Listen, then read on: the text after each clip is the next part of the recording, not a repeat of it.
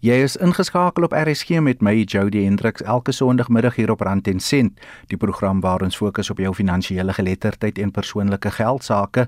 Nou soos ons die afgelope week gedoen het, eh, is dit die reeks met die GPF, die regering se pensioenfonds wat vandag voortgaan en my gas eh, wat ons binnekort van gaan hoor is Tracy Peters, sy se assistent-direkteur by die regering se pensioenfonds en ek gaan 'n paar vrae aan haar stel. Vandag se onderwerp is uh, die oorweging vir pensioen verhogings en uh, as jy 'n staatsdienswerker is, laat hoor van jou via die volgende kanale 0765366961. Dit is vir jou stemnotas. Ek herhaal die nommer 0765366961 of stuur SMS na 45889. Dit kos jou R1.50 of gaan na die RSG webwerf rsg.co.za. Klik op my aanbiedersprofiel Jody Hendriks en jy kan so 'n e-pos vir my stuur of gaan net op alle sosiale media kanale, uh, Facebook, Twitter, Instagram, selfs TikTok, tik my naam in en jy kan 'n boodskap stuur. Ek sal seker maak dat Tracy dit kry en dit ook beantwoord. Onthou ook dat uh, sy môre oggend in die omgewing van tussen 8 en 9 op op en wakker gaan wees om jou vrae te beantwoord wat jy vandag gedurende die program stuur. So as jy 'n regeringswerker is, moet jy nou inskakel en ook môre oggend tussen 8 en 9 binnekort gesels ons met Tracy Peters van die regering se pensioenfonds oor watter oorwegings hulle in ag neem vir pensioenverhogings. RSG wêreldwyd by rsg.co.za. Welkom terug by Rand en Sent. Nou soos beloof is my gas vandag Tracy Peters van die regering se pensioenfonds. Ons onderwerp is die oorwegings wat hulle in ag neem vir pensioenverhogings. En uh, Tracy, kom ons val weg dan sekerlik met die eerste en die belangrikste vraag is wat neem hulle in ag vir pensioenverhogings vir die regering se pensioenfonds? Goed Jody. Op 'n jaarlikse basis maak die wet op staatsamptenare van 1996 voorsiening vir die GPF Raad van Trustees om maandelikse pensioen vir die GPF pensionaars te verhoog.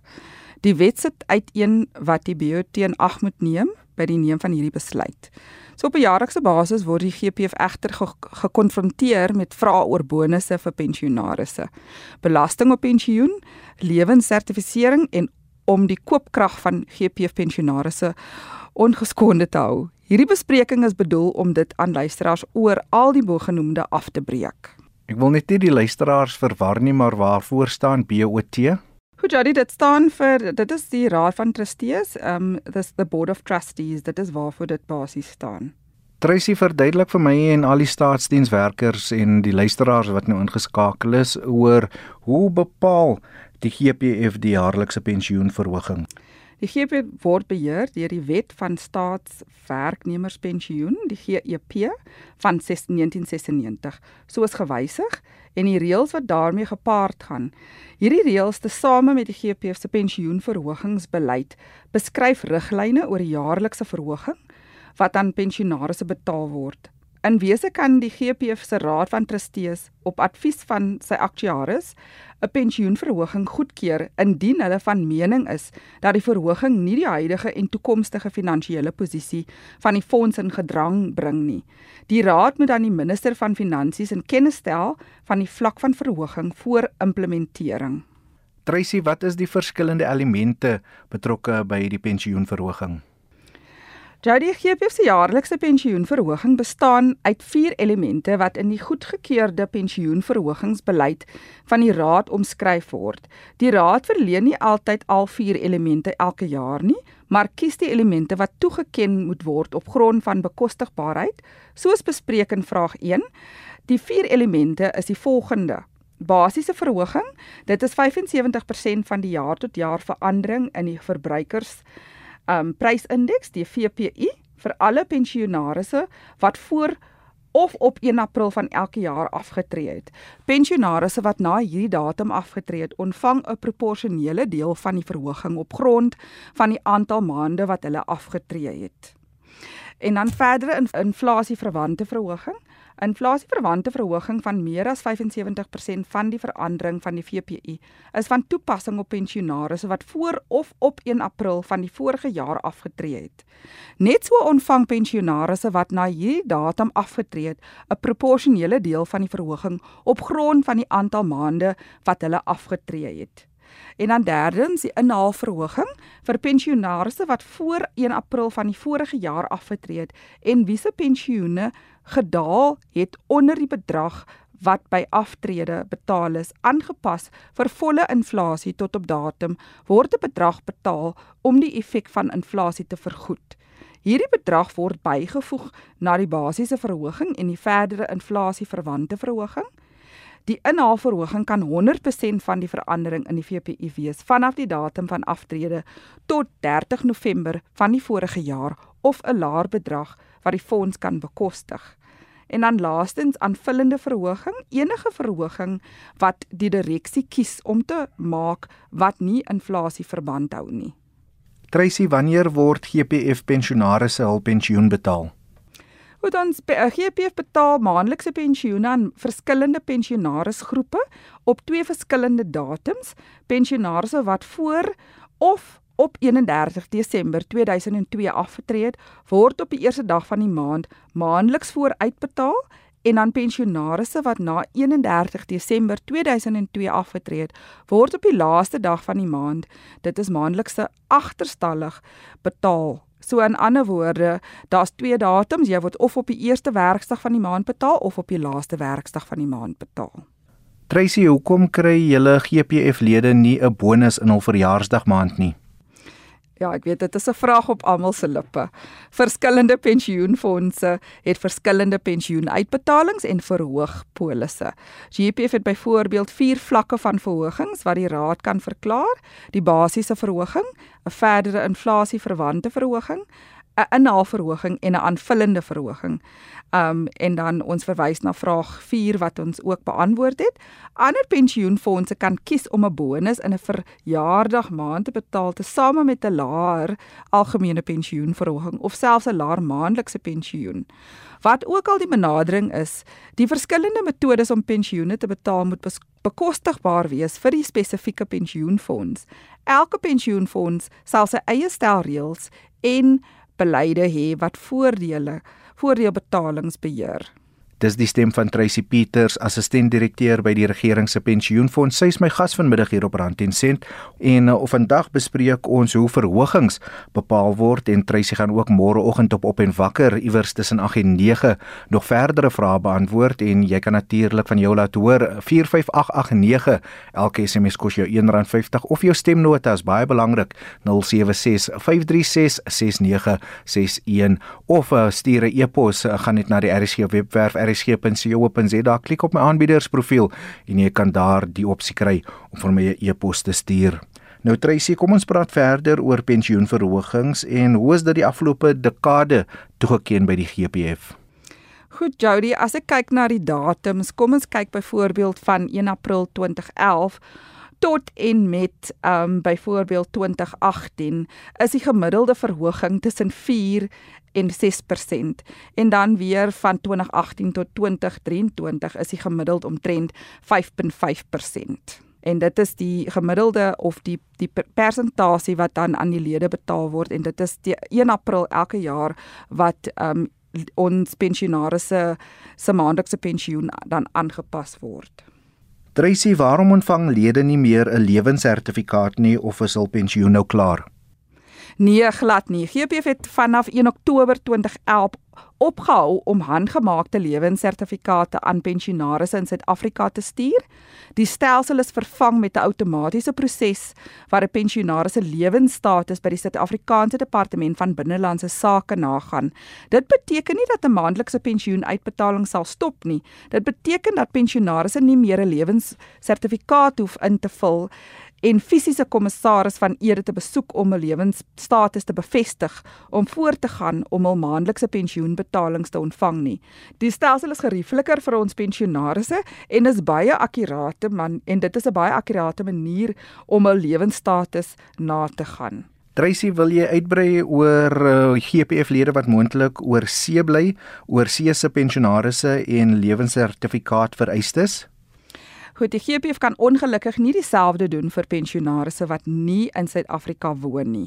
Hierdie pensionaarsse, sowel as diegene wie se status nie by die departement van binnelandse sake geverifieer kan word nie, ontvang steeds die papiergebaseerde lewens verifikasievorm wat deur 'n kommissaris van ede voltooi en gesertifiseer moet word. Alle pensionaarsse wat die lewensverifikasievorm ontvang, ontvang slegs 1 per jaar ongeag die aantal voordele wat hulle van GPF ontvang.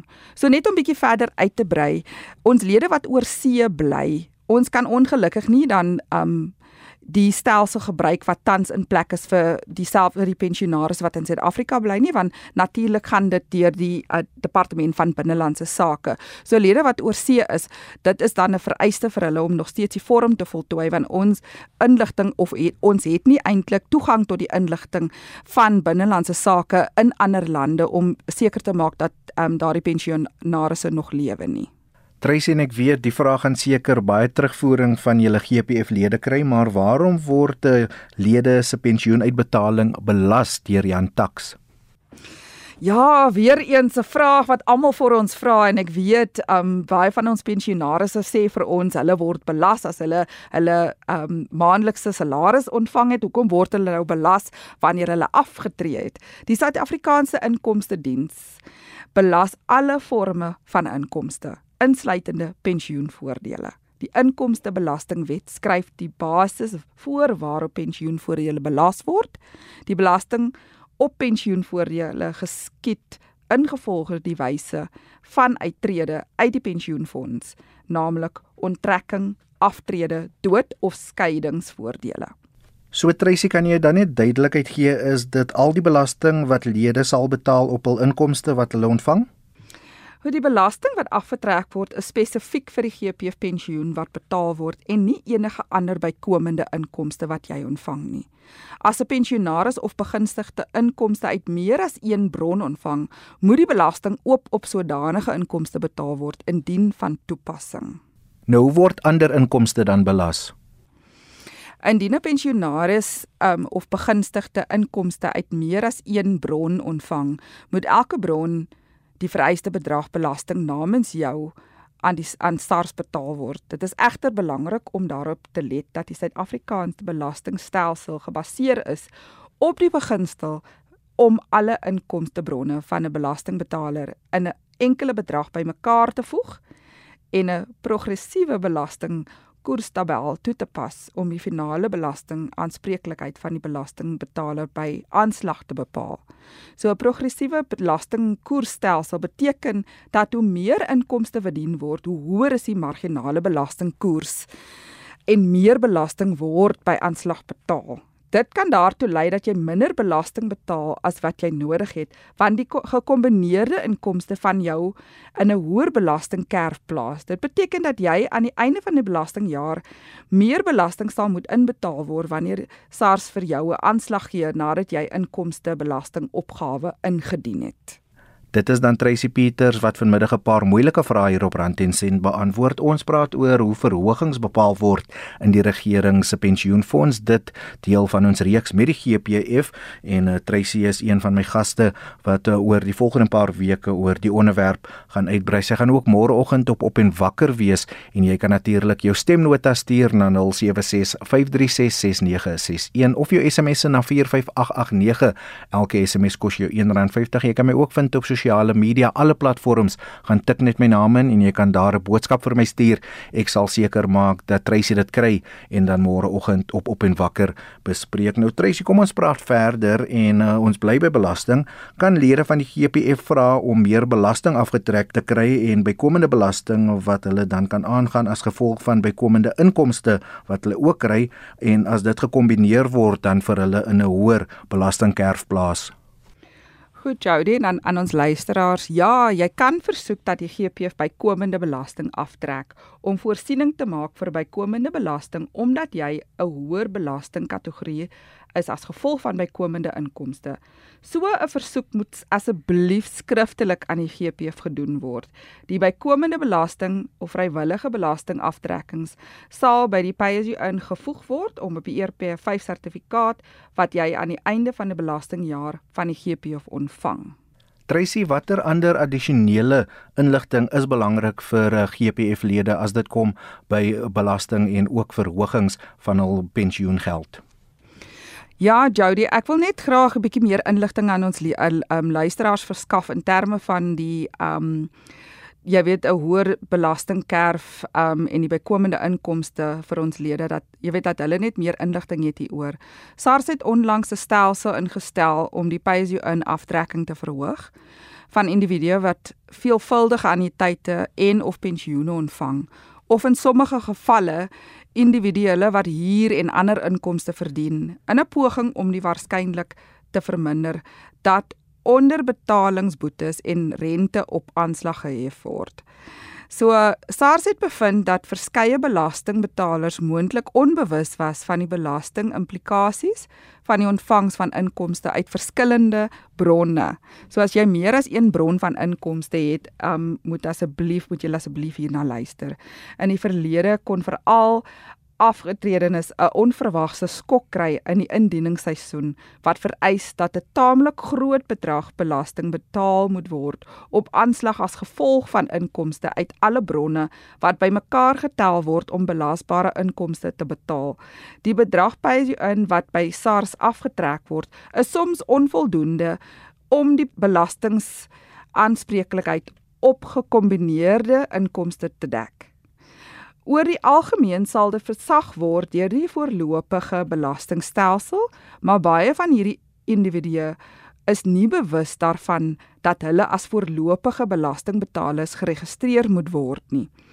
Dit sal onnodige finansiële druk op die belastingbetaler plaas om 'n aansienlike bedrag belasting op aanslag te betaal.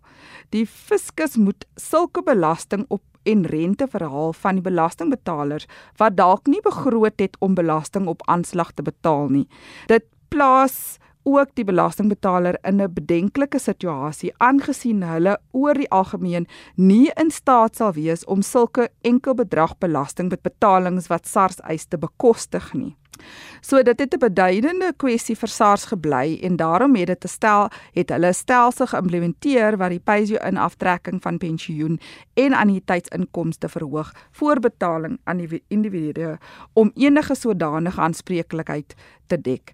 So dit is verlede wat um meer as een pensioen um ontvang of 'n pensioen ontvang en dalk nog steeds 'n salaris ontvang of um wanneer hulle enige ander bronne van inkomste het asseblief dit is baie moontlik en ons sê dit vir ons lede as jy afgetree het of jy kry 'n pensioen 'n maandelikse inkomste van die GPF dit is moontlik om aan ons 'n brief te skryf om vir ons te vra om addisionele belasting te verhaal van julle maandelikse pensioen so dan verhoed dit dat um, aan die einde van die belastingjaar dat hulle een jy weet daai daai groot skok kry waar hulle 'n um, groot bedrag dan moet inbetaal Dankie vir daardie duidelikheid Tracy. Dan net laastens vir die luisteraars, eh, die GPF-lede, die regeringswerkers, familielede van regeringswerkers wat dalk wil kontak maak met julle, hoe kan hulle vir julle in die hande kry? Goed, Jody, ons um inbelsentrum se nommer is 0800 117 669. Ek herhaal, ek herhaal dit weer.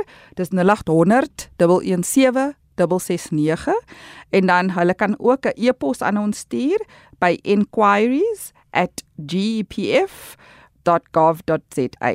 Enquiries, dis alles klein letters @gpf.gov.za. En dit was dan nog 'n aflewering van Rand en Sent oor die regering se pensioenfonds. My gas vanmiddag was Tracy Peters en ek wil net die luisteraars herinner sy gaan môreoggend iewers tussen 8 en 9 op op en wakker wees waar sy regstreeks nog van jou vrae gaan antwoord en hoe jy kan kontak maak is op die SMS lyn 45889. Elke SMS kos jou R1.50 of stuur jou stemnotas na 0765366961. Ek herhaal 076536 6961 of gaan na die RSG webwerf rsg.co.za gaan klik op my aanbiedersprofiel Jody Hendriks en jy kan sodoende 'n e-pos vir my stuur. Maar van my tot 'n volgende keer wees veilig kyk na jou finansiële geletterdheid mooi bly geniet die rugby geniet die cricket totsiens